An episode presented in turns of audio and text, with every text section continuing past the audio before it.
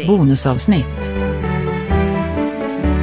En podd om historiska öden och äventyr med Elin och Tove.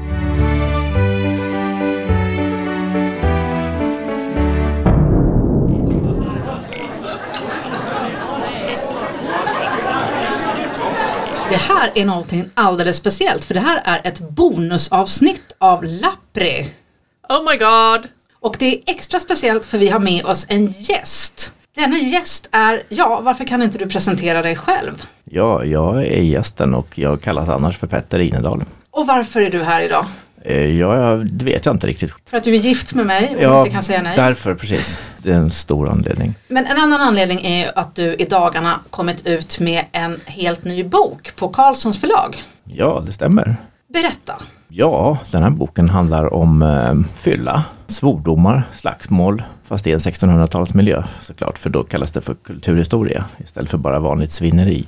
Eh, sen har vi slängt in några, eller jag har slängt in några grevinnor och ett par kungligheter, liksom bara för att det ska kryddas lite bättre. Det låter ju jätteintressant. Hur hamnade du där? Eh, genom att jag av en slump blev tipsad om att, eh, så vitt jag vet, de enda bevarade krogräkenskaperna från svenskt 1600-tal fanns på eh, Carolina de Viva i Uppsala. Så jag gick igenom dem, förmodligen den första människan i modern tid att läsa några hundra sidor med vad dåtidens kändisar och dålisar åt och drack, mest drack. Men gud vad intressant. Är det alltså krognotor där namnen framkommer på de här personerna? Ja, de kritade ju, så betalade de då och då, så det står ju Beata de la Gardie och så står det precis vad hon drack och åt eh, på vilka datum, till exempel. Hon är med. Vad åt hon då? Om man ska vara riktigt ärlig så drack man betydligt mer än man åt på Storkällaren som krogen hette, som var den förnämsta krogen i Stockholm på 1600-talet. Vart låg den någonstans? Den låg i, eh, på Stortorget vid Rådhuset, dåvarande Rådhuset som sen revs på 1700-talet när man byggde Börshuset, eller gamla för detta Börshuset nu då. Så den låg på hörnan där mot eh, Källargränd, så att, att faktiskt gatan heter än idag. Så det var liksom rådhuskällaren. Ja, Stadskällaren kallas den ibland i vissa räkenskaper. Men vad drack man då om man nu inte åt så hemskt mycket? Nej, man gjorde åt faktiskt inte så hemskt mycket. Eh, Det var mest tilltugg, lite valnötter, oliver. Eh, Jag blev faktiskt rätt förvånad över att man kunde få oliver som tilltugg till krogen. Ja. I svenskt 1600-tal. Det låter ju väldigt otippat. Ja, faktiskt. Man beställer in en liten låda oliver. Ja, eller hur man nu fick det serverat. Ja. Drack gjorde man, det här är ju, Storkällan var ju Stockholms finaste krog och förmodligen den finaste i hela riket då. Så det var höga priser och man drack mest vin. Vin var dyrt, jättedyrt. En kanna vin kunde kosta 9-10 gånger så mycket som motsvarande mängd öl. Okej, ja. Eftersom det var importerat.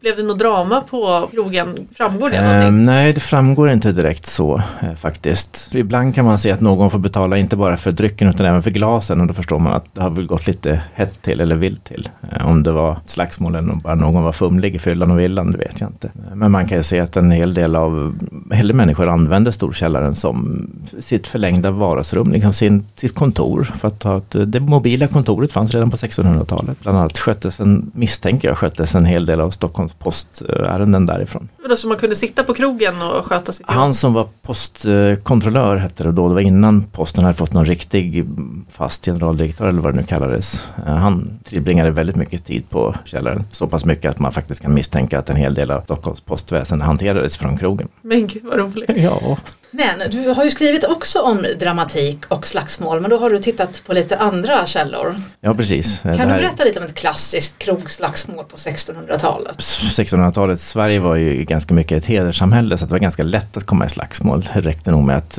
tilltala någon lite för slafsigt, titta för länge på någon, Man var lättkränkt. lättkränkt, heder och ära, och så är det, oavsett av hur det egentligen stod till med den saken. Om jag vill mucka gräl på 1600-talsvis, finns det någon, eh, några magiska ord jag kan yttra? Ja, såklart. Den här boken innehåller ett helt kapitel med svordomar och förolämpningar som ni kan lära er. Eh, Om ni Oh. inte vet vad en, en täva, ett slöke, en bärnhyttare och så vidare är så kan ni få lära er det här. Och det absolut bästa sättet att mucka gräl på 1600-talet var att antingen går man fram till någon och så frågar man vad är du för en? Vem känner du? Ja. Eller så skriker man bara du ska få skam. och så drar man värjan så gör det lite Ja, ja, ja, ja, men det säger ju sig själv.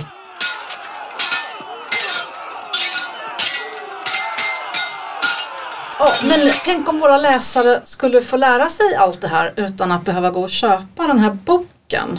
Hur tror du att man kan bära sig åt då? Ja, man skulle ju kanske kunna vinna den i någon typ av lotteri. Det är en jättebra idé. Ja, det är en jättebra idé. Men då tycker jag att vi gör så här att om du vill vinna boken som heter Den heter Det vulgära och förnäma 1600-talet. Då mejlar du antingen lapripodd@gmail.com eller går in på vår Instagram och lämnar en kommentar. Men vi vill att du själv döper en 1600-talskrog till något som du tycker låter passande. Och för att få lite inspiration så kanske du Petter kan berätta om några riktiga 1600-talskrogar, vad de hette. Eh, Ja, det fanns i Stralsunds härberge, Gävle härberge, Kamelen, Träkannan, Ormen. Då tackar vi dig Petter Inedal så hemskt mycket att du var här och berättade om din bok som alltså precis nu har kommit ut på Carlssons bokförlag.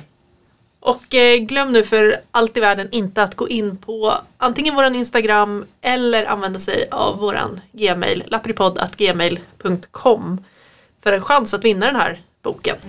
Ni har lyssnat på Lappri, en podd om historiska öden och äventyr. Vi som har gjort podden heter Elin och Tove.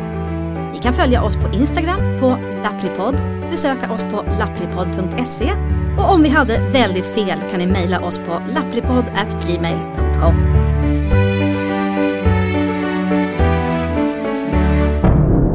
När det blir folk av dig ditt slöka, då blir mina gamla skor nya. Those are fighting words.